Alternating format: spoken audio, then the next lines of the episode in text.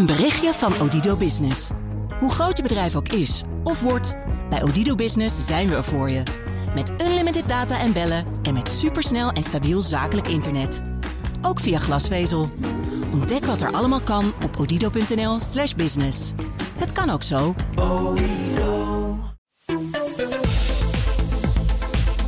De buitenlandsministers van de Europese Unie steken op dit moment de koppen bij elkaar om te praten over het geweld in Israël en Gaza. Demissionair minister van Buitenlandse Zaken Hanke Bruinslot en een flink aantal ambtgenoten zijn momenteel in Oman voor een eerder gepland overleg met landen rond de Perzische Golf. De overige leden bellen digitaal in en we praten erover met Europa-verslaggever Geert-Jan Haan. Geert-Jan, goedemiddag.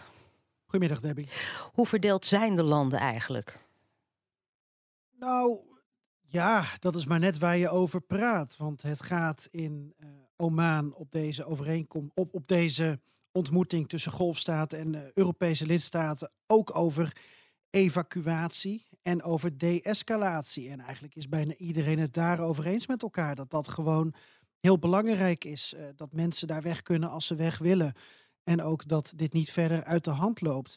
De, het pijnpunt zit hem, uh, waar jij waarschijnlijk op doelt, um, op de, uh, de financiële steun, waar je net ook al een fragment mm -hmm. van Mark Rutte over liet horen, um, aan uh, de Palestijnse autoriteiten. Hoe weten we nou zeker dat dat geld niet op de verkeerde plekken komt? De commissaris van de Europese Commissie, Olivier Verhelyi, die zorgde voor wat verwarring. The announcement which was made by Commissioner Verhelyi was not preceded by consultations with any member of the college. Wat is daar precies aan de hand, Geert-Jan? Nou, eigenlijk is Eurocommissaris Verhely degene die ook het lont in het kruidvat van die uh, financiële steun aan Pal Palestijnse autoriteiten uh, heeft aangestoken. Deze Eurocommissaris heeft gisteren, zo blijkt uit de reconstructie en verklaringen ook van de Europese Commissie, op eigen houtje uh, een drietal tweets geplaatst. Waarin staat dat ehm, de Europese Commissie bijna 700 miljoen euro aan financiële steun aan uh, de Palestijnse autoriteiten zal opschorten.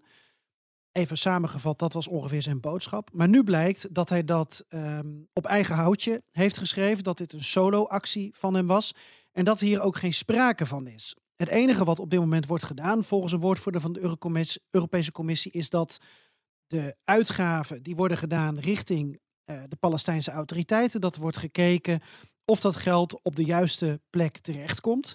En het geld dat op dit moment um, daarheen is gegaan, dat als je het hebt over humanitaire hulp, dan heb je het over zo'n 28 miljoen euro.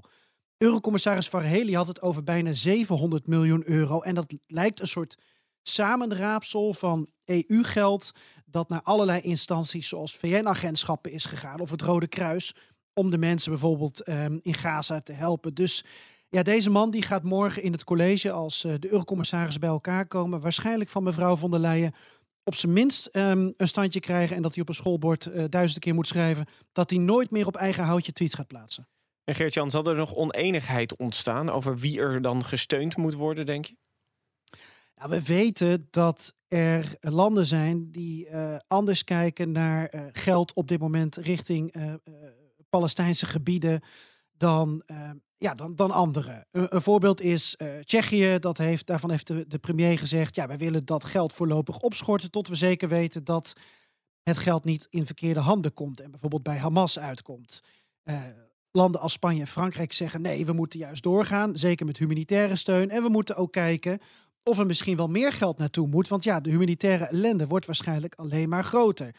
Maar er is een verschil tussen het opschorten als lidstaat van je bijdrage en als EU. En dat EU-geld, daar kan eigenlijk voorlopig geen discussie over zijn. Er wordt gewoon gekeken of dat geld op de goede plek komt. Zo niet, um, uh, dan wordt er pas uh, actie ondernomen. Nu is er niks aan de hand. Er is ook geen nieuw bedrag dat op dit moment um, op de voorraadplank ligt om richting de Palestijnse gebieden te gaan. Landen aan zich, dat hebben bijvoorbeeld Oostenrijk en Duitsland gedaan. Nou Oostenrijk vooral. Uh, die heeft gezegd, ja, wij schorten onze bijdrage van wat is het, 20 miljoen euro op aan projecten die nu in de Palestijnse gebieden plaatsvinden. Gert-Jan Josep Borrell die zegt als hoge vertegenwoordiger van de Unie voor Buitenlandse Zaken en Veiligheidsbeleid dat er maar één oplossing is. En wat is volgens hem die oplossing? Op de korte termijn de-escalatie en op de lange termijn is volgens Borrell dit de oplossing. We reiterated our commitment to a two-state solution because it's the only solution. Nou, een twee-staten-oplossing sinds 1967 is dat wat waar uh, uh, de toenmalige Europese landen voor staan. Dankjewel, Geert-Jan Haan, Europa-verslaggever van DNR.